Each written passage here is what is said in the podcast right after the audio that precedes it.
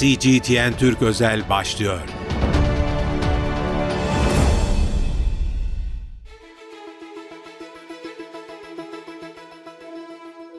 CGTN Türk özel yayınından merhaba ben İlkay Akkaya. Bugün gündemimizde son dönemde artan terör saldırıları var. Konuğumuz gazeteci yazar Sayın Ceyhun Bozkurt.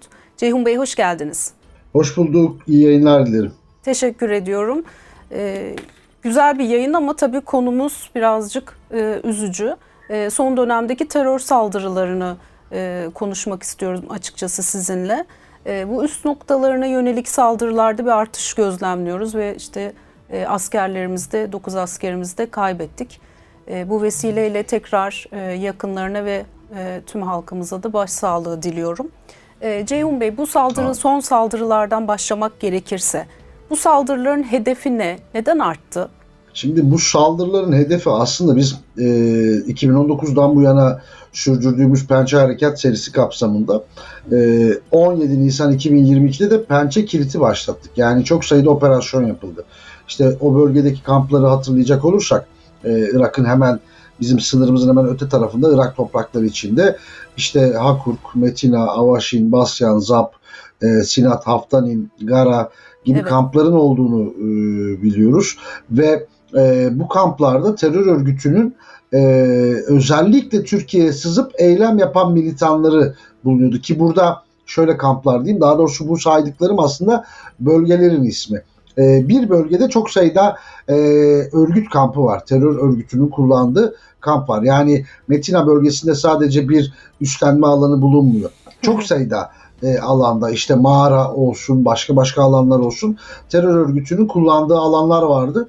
2019'dan bu yana yürütülen operasyonlarla e, Türkiye'nin Irak sınırında ki bulunan e, bütün e, üstlenme alanları, işte kampları, kullandığı mağaralar falan tek tek e, bulunup hem teröristler imha ediliyor hem de e, o mağaralarda o üstlenme alanlarında artık yeniden konuşlanmamasının e, önü açılmaya çalışılıyor operasyonlarla ve bu çerçevede bir konsept değişikliğine de gitti Türkiye. E, daha önce de yani 1980'li yıllarda e, özellikle Irak'la ikili ilişkiler üzerinden belli bir derinliğe inip operasyonlarla başlayan 90'larda daha geniş kapsamlı işte Birleşmiş Milletler'in meşru müdafaa hakkı kapsamında 51. maddesi Birleşmiş Milletler Anlaşması'nın e, bu kapsamda daha geniş kapsamlı operasyonlar yapıyorduk ama o operasyonlarda e, gidiyorduk e, te, imhayı gerçekleştiriyorduk o dönemdeki e, mevcut örgüt kamplarında. Sonra tekrardan Türkiye sınırları içine dönüyorduk ama e, bu yeni konsepte e, artık e, bu imha ettiğimiz gerek teröristler gerekse terör örgütünün üstlenme alanlarında e, uygun görülen yerlerde yani gerekli görülen yerlerde aynı zamanda üsler, hı hı. üst bölgeleri oluşturuyoruz. Aynı zamanda geçici üstlenme alanları oluşturuyoruz. Yani Bölgenin tamamen terörden çıkmıyoruz. arındırılması diye de tarif edebiliriz Tabii. bunu değil mi? Hı hı. Tabii. Şimdi Türkiye özellikle o e, Amerika Birleşik Devletleri'nin e, istihbarat başta olmak üzere Amerikan istihbaratının kontrolündeki e, ve NATO unsurların içindeki işte belli e, Gladio yapılanmalarıyla bağlantılı FETÖ terör ve casusluk örgütünün o 15 Temmuz saldırısından sonra Türkiye şöyle bir e, karar aldı. Çünkü o dönem aynı zamanda sadece FETÖ'nün saldırılarının arttığı dönem değildi. PKK terör örgütü, e, DAEŞ terör örgütü ki Amerikan istihbaratının, Pentagon'un e, çok ciddi bağlantıları, Mossad'ın çok ciddi bağlantıları olduğu, hatta onların kurduğunu kendi başkan adayları açıklamıştı. E, da, DAEŞ terör örgütü, başka başka terör örgütlenmeleri saldırılarını arttırmıştı. Türkiye bu kapsamda 15 Temmuz saldırısında püskürtünce bütün bu terör örgütlerinin saldırılarına karşı Irak ve Suriye sınırında belli bir derinlikte bu sınırın tamamında e, bir Türkiye açısından bir güvenli alan oluşturma konseptine geçti. Zaten bahsettiğimiz üsler ve üslenme bölgeleri, geçici üslenme bölgeleri de bu kapsamda Irak'ta. Ki e, Suriye'de de biliyorsunuz 3 e, tane e, DAEŞ'e ve e, PKK terör örgütüne, PYD PKK terör örgütüne operasyon gerçekleştirdik. Orada da e, üstlenmemiz var. Orada tabii ki e, dost unsurlarla işte şu an Milli Suriye Ordusu olarak adlandırılan unsurlarla gerçekleşen bir operasyon süreci. Irak'ta ise tamamen Türk Silahlı Kuvvetleri'nin kendi gerçekleştirdiği operasyonlar var. E, şimdi buraların işte bu kap, konsept kapsamında biz orada şu an Türkiye-Irak sınırını tamamen kapattık. Şöyle kapattık. Dün e, Sayın Yaşar Güler de Milli Savunma Bakanı e, açıkladı. E, son bilgileri de paylaştı. E, mecliste biliyorsunuz bir bilgilendirme e, genel evet. kurulda toplantı yapıldı ve Sayın Yaşar Güler de orada bir bilgilendirme yaptı. Türkiye ve Irak sınırının terör örgütüne tamamen kapatıldığını söyledi. Şimdi bu noktada işte bu saldırıların artmasından başladık. Ee, birazdan yine detaylandıracağız buraları. Hı hı. Ee, bu noktada e, saldırılar aslında uzun süredir vardı. Yani Sayın Yaşar Güler'in aktardığı metinde de örgütün çok sayıda saldırısı e, püskürtüldü. Ek olarak e, operasyonlarımız da devam etti. Ancak tabii ki e, 12 şehit, 9 şehit. Evet yani tam da bu noktada yani yeni bir e, durumla mı karşı karşıyayız? Bu e, geçmişte yaşanan terör eylemlerinin devamı mı bu son saldırılar yoksa tabii. yeni bir durumla Oraya mı karşı gelelim. karşıya Türkiye? Evet. Buyurun. Oraya gelelim. Bu önemli bir nokta çünkü şimdi bu noktada Türkiye yani bu şehit sayımızda o kahramanların e, sayısında fazlalık olunca fazla olunca bir anda gündeme geldi. Biz mesela 9 şehit verdiğimiz saldırıdan bir gün önce de yine aynı bölgede e, bir şehit daha vermiştik.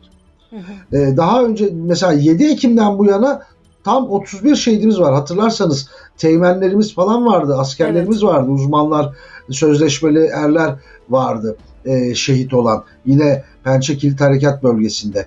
Şimdi örgüt buraya çok yoğun bir saldırı düzenliyor. İşte burada sizin sorduğunuz soru bağlan devreye giriyor. E neden bu kadar yoğunlaştı? Neden bu kadar saldırıyorlar? Çünkü Türkiye en son o bahsettiğimiz Pençe Kilit e, operasyonunu ZAP Metina hattı üzerine kurdu. O bölge. Çünkü en son orası kalmıştı. Ve orası stratejik açıdan son derece e, önemli bir bölge. Nedir? Şimdi Nedir Zap'ın önemi? Ve Met, Zap ve Metina bölgesinin hemen Türkiye sınırına olan bölgesine Amediye bölgesi deniyor. Ve bu bölge üzerinden işte Kanimase diye bir bölge daha var. Amediye bir ilçe aynı zamanda. Doğuak'a bağlı bir ilçe ve e, PKK terör örgütü geçmişte buralarda çok ciddi bir hakimiyet oluşturmuştu. Hatta köyleri bile baskı altına aldığını söyleyebiliriz. Geçen seneydi yanlış hatırlamıyorsam. Doğuk valisi ben bazı köylerime gidemiyorum demişti. E, açıklama yapmıştı. Yani e, şimdi bu bölgede örgüt konuşlandığı sürece e, Türkiye'nin içine sızmayı çok rahat gerçekleştirebiliyor. Çünkü orada bir derinlik var. Girdiği anda Türkiye Çukurca. Hatırlarsanız geçmişte Üzümlü Karakolu baskınları falan olmuştu. Şimdi Çukurca'dan da Türkiye'ye giriş yaptığı anda artık Türkiye'ye yayılabiliyor. Yani militanlar. Örnek vereyim ben size. E, bu Semra Güzel eski HDP milletvekilinin e, fotoğraflarını ortaya çıkartmıştık. E, o fotoğraflarda ben o kampı araştırmıştım. E, Metina'da bölgesinde bir kamptı. Örgütün kullandığı ve e, sözlüsü olduğunu söylediği e, kişi o terörist e, biliyorsunuz 2017'de e, etkisiz hale getirilmişti Adıyaman'da. Şimdi Metina'dan giriş geliyorlar. O bölgeden giriş yapıyorlar. Bakın yayılabiliyorlar. Adıyaman aslında o bölgeye göre çok daha kuzey e, batı bölgesinde kalıyor. Ama o bölgelere kadar sızabiliyorlar. Yani örgütü açısından son derece stratejik bir nokta orası. Özellikle ZAP bölgesi. İşte bizim pençe kilit adını vermemizin nedeni de bu. Birçok pençe harekat serisi yapıldı. Hava harekatı yapıldı. Komandolar üzerinden yapıldı. Pençe kartal dedik. Başka başka isimler verdik. Bunun adı pençe kilitti. Neydi? O duvarı kapattık. En son kapıyı koyduk ve kilidi taktık. Artık PKK'ya Türkiye'ye giriş imkan alanı kapatıldı Irak tarafından. En Peki, son operasyon Türkiye, oydu. Türkiye bu kadar e, bu teröre karşı ilerlemişken e, yani büyük bir aşama kaydedilmişken e, son dönemde artan saldırıları da değerlendirdiğimizde yani yeniden bir güç mü buluyor? Ne ne var arkasında ne var peki? Oraya da işaret Şöyle, ederseniz. Tabii tabii tabii. Esas zaten kritik nokta o. Şimdi evet. insanlarımız çok doğal olarak şu soruyu sorabilir. Bu kadar başarılı harekat et, Evet. yaptığımız bir e, sonuçta Irak'ta çok başarılı operasyonlar yapıyoruz. E, o kahramanlar hakikaten büyük mücadeleler veriyor. Çok zor bir coğrafyada. Yani Hı. bakın hayal etmekte bile zorlanacağınız bir coğrafya görüntülerini görmüşsünüzdür. Evet. Ben o bölgeleri biliyorum. Şöyle biliyorum. Gazeteci olarak e, zamanında e, oraya sınır bölgelerine gitmiştim. E, ondan sonra Hakkari'den o Şırnak hattını, o sınır hattını çok iyi biliyorum. E, çok hakikaten hayal etmesi bile bizlerin bildiği halde gördüğünde çok şaşırdığı coğrafyaydı. Şimdi o kahramanlar o mücadeleleri başarıyla yürütüyor. Peki vatandaşımız sorar. E, nasıl bu kadar eylem yapabiliyorlar? Birincisi güney hattına indi PKK. Yani biz o Irak'ın kuzeyinin en kuzey noktasını terörden arındırınca PKK daha güney hattına indi. Yani şöyle bir şey söyleyebiliriz. Şu an Süleymaniye Asos hattı, batıya yöneldiğimizde Mahmur hattı ve yine batıya gittiğimizde Sincar hattı. Bir hat var Suriye'ye uzanan. Ve burada açık söyleyelim ismini de verelim. Amerika Birleşik Devletleri tarafından tahkim edilen, eğitilen, donatılan yani içtikleri ilaca kadar, içtikleri belki suya kadar Amerika tarafından beslenen maaşları Amerika Birleşik Devletleri tarafından verilen bir terör örgütlenmesi var. Bu desteği oradan alıyorlar bir kere. Irak hattında böyle bir şey var. Türkiye'ye giriş yapamıyorlar Irak'tan ama ne yapıyorlar? Daha güneyinde faaliyetlerini sürdürebiliyorlar. Şimdi Irak ne yapıyor peki? Türkiye Irak'ta da çok ciddi diplomasi yürütüyor. Irak bu konularda aslında istekli. Yani terörü temizleme noktasında Bağdat yönetimi istekli. Çünkü e, güvenliğin olmadığı yerde ticaret de olmaz. Biliyorsunuz bir kalkınma yolu projesinden bahsediyoruz. Evet. İki ülke arasında ilişkileri derinleştirecek, çok e, iki ülkenin de çok ciddi faydasını olacak. Hatta hatta e, Körfez ülkelerinin de ticaretine katkı yapabileceği bu sayede ciddi bir şekilde mali destek olacağı bir süreçten bahsederken güvenliğin olmadığı yerde işte bu süreci işletmek kolay değil. Birincisi PKK'nın e, operasyon bölgelerimizin güneyinde halen faaliyetlerini sürdürmesinin e, önemli nedeni var ve Irak'ın da buna şu an gücü yetmiyor çünkü Amerika Birleşik Devletleri destekliyor. İkinci ve en önemli nedense, daha önemli bir nedense Suriye'deki terör örgütü varlığı ve onu koruyan emperyalist Amerika Birleşik Devletleri. Ee, oradan e, ağırlıklı sızmalar, Türkiye içine yönelik eylemlerin işte en son biliyorsunuz 1 Ekim'de İçişleri Bakanlığımıza yönelik bir saldırı girişimi oldu. Evet. evet. Ee, orada kahraman polislerimiz tarafından püskürtülen bir saldırıydı ama sızanlar e, Suriye'den geldiler. E, bir e, bazı notlara göre, iddialara göre diyelim, e, yani sızan bilgiler de e, diyebiliriz aslında. E, 12 şehit verdiğimiz e, Metina ve Hakurk saldırılarının da Kamışlı bölgesinde planlandığı ve oradan sızmanın gerçekleştirildiği söyleniyor. Yani şöyle bir şey, güçlenme bölgelerimize e, bizim üst, o saldırıların yapıldığı yerlerin kuzeyinden saldırılmıyor. Yani Türkiye tarafından gelinmiyor.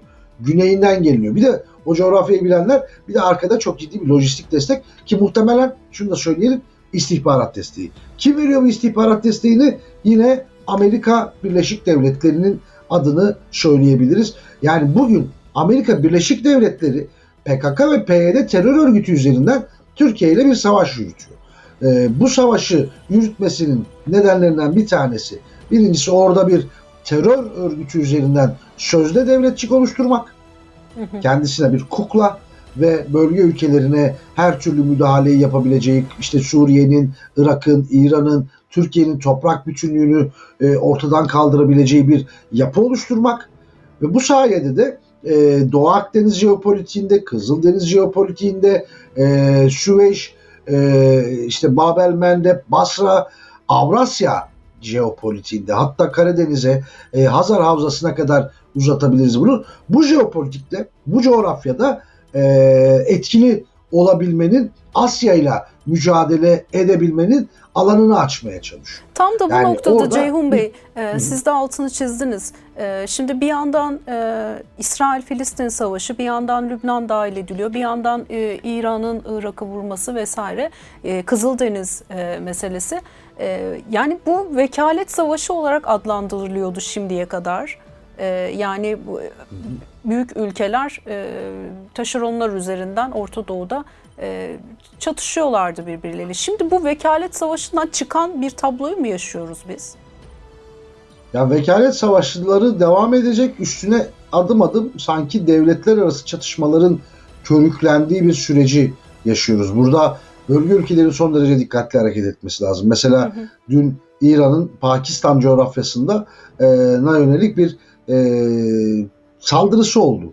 Evet. Yani e, burada Pakistan e, bakıldığı zaman Asya'nın çok önemli bir ülkesi. E, İran da hakeza Asya'nın çok önemli bir ülkesi. Hem de bölgenin aynı zamanda bölgemizin önemli bir ülkesi. Hı hı. Şimdi burada terör örgütlerinin varlığı e, coğrafyalara mesela Türkiye, Irak ve Suriye'de e, bir siyasi otorite ve ona bağlı askeri otorite olabilse aslında bizim Irak'ta işimiz olmaz.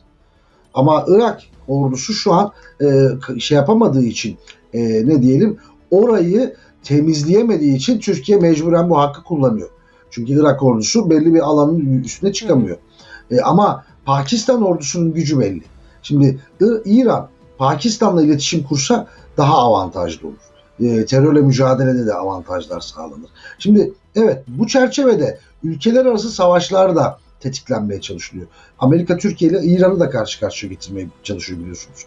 Yani e, bu noktada e, Türkiye'nin İran'a eleştirileri vardır. Haklı olduğu eleştirileri vardır. İran'ın Türkiye'ye yönelik farklı bir bakış açısı olabilir.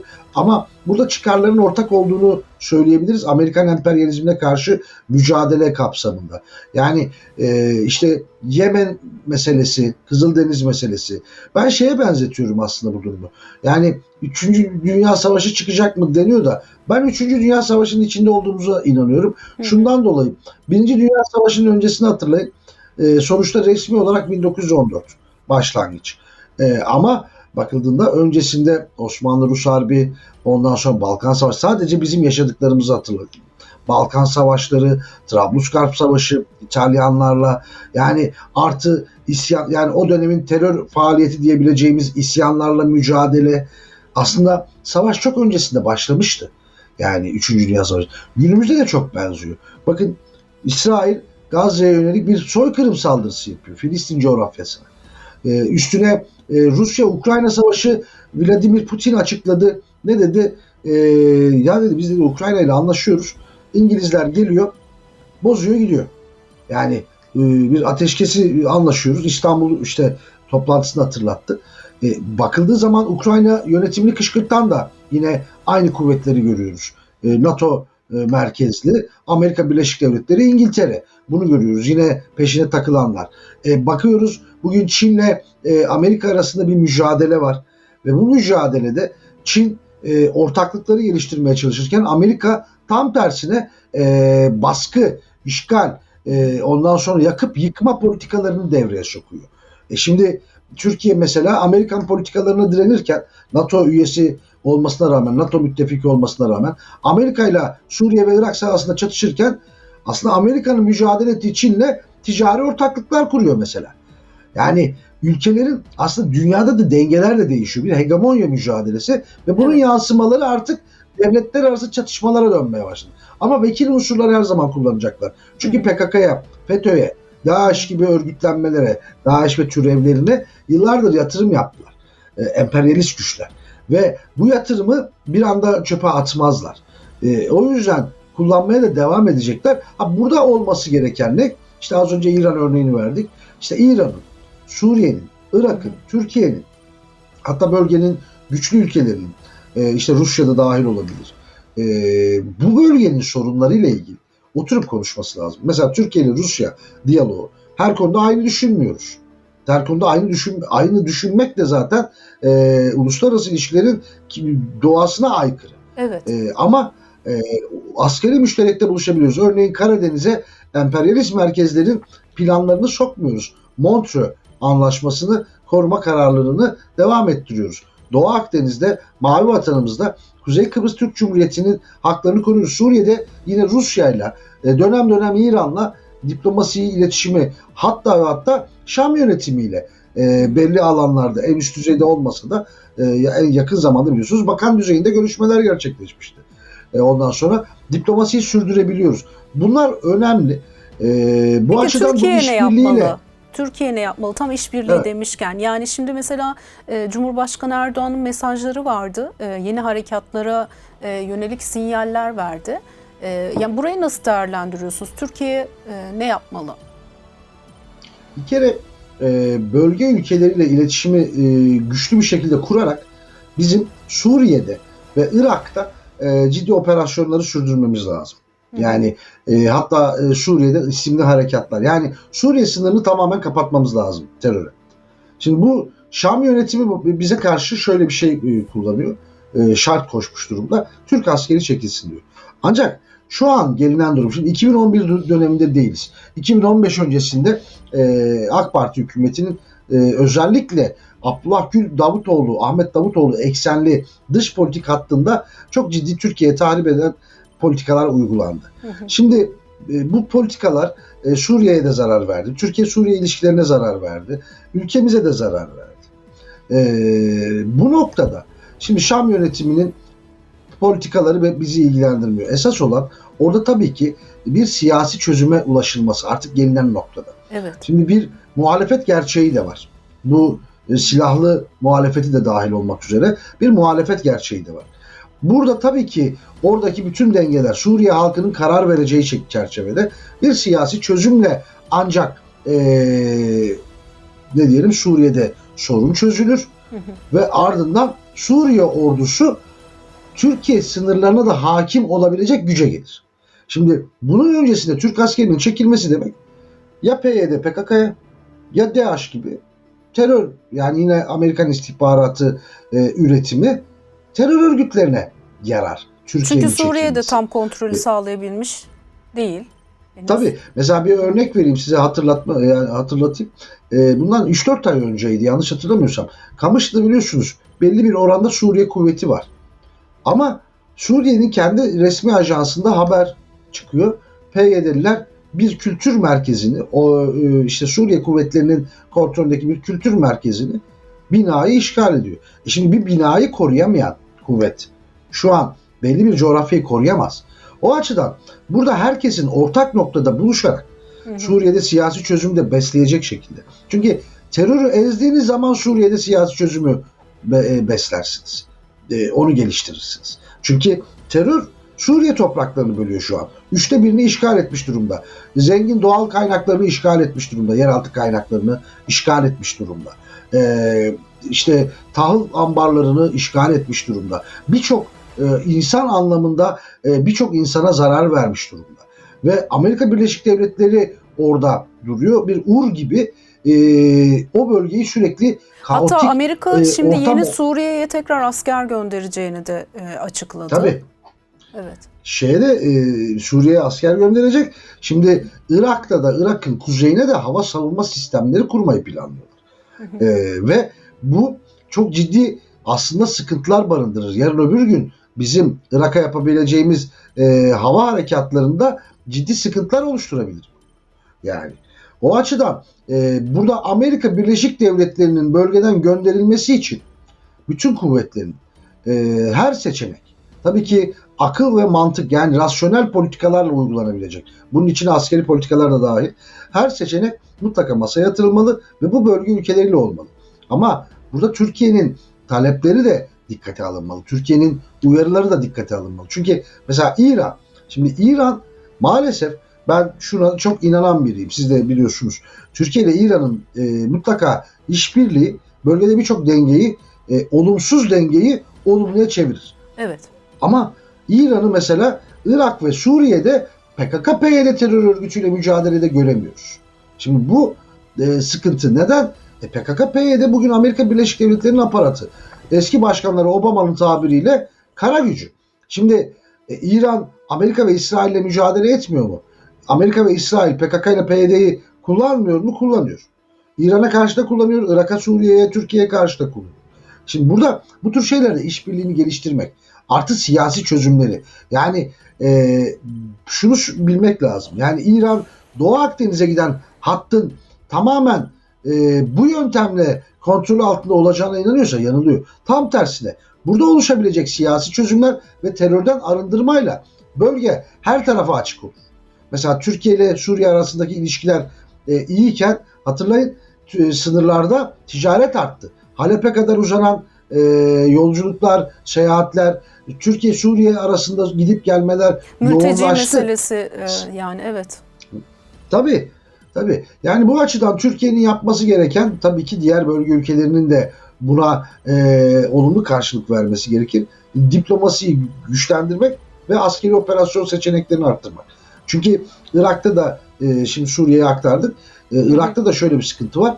Dediğimiz gibi terör örgütü daha güneye indi ve Sincar, e, Mahmur, Süleymaniye Asos hattının temizlenmesi lazım. Süleymaniye'de KYB yönetimi var ve KYB yönetimi bugün Amerikalılarla, Fransızlarla e, terör örgütünü besliyorlar. Amerikalılar, Fransızlar e, KYB'ye veriyor. KYB imkanları P, e, PYD PKK terör örgütünü açıyor. Şimdi bu sıkıntıları da aşmak lazım. Bunun yine askeri boyutu olacaktır, diplomatik boyutu olacaktır. E, ama bir şekilde aşılması lazım. Çünkü Türkiye zamanda Sincar bölgesi için e, onu söylemişti özellikle. E, Sincar Karacak hattı için. E, eğer Irak ordusu yapamıyorsa operasyonları biz yapalım. Biz temizleyelim, terörden arındıralım şeklinde. Belki önümüzdeki dönem bu diyalog bile gündeme gelebilir. Yani daha ileride operasyonlar gündeme gelebilir. Ve Irak'la koordineli bir şekilde hem de. Evet siz de e, işbirliğinin, bölge ülkelerin işbirliğinin altını çizdiniz. Bu Kesinlikle. süreç e, yani bizim bölgemizde daha da fazla e, ısındı. Biz de bu gelişmeleri takip etmeyi sürdüreceğiz. Ceyhun Bey çok teşekkür ediyorum. Çok faydalı bir yayın oldu. E, çok değerli bilgiler edindik. Katıldığınız için çok teşekkür ederim. Ben teşekkür ederim. İyi çalışmalar, iyi yayınlar dilerim. Teşekkürler. CGTN Türk özel yayınında son e, terör saldırılarını gazeteci yazar Ceyhun Bozkurt'la değerlendirdik. Bu alandaki gelişmeleri sizlere aktarmaya, paylaşmaya devam edeceğiz. Bize ayrılan sürenin sonuna geldik. Görüşmek dileğiyle. CGTN Türk özel sona erdi.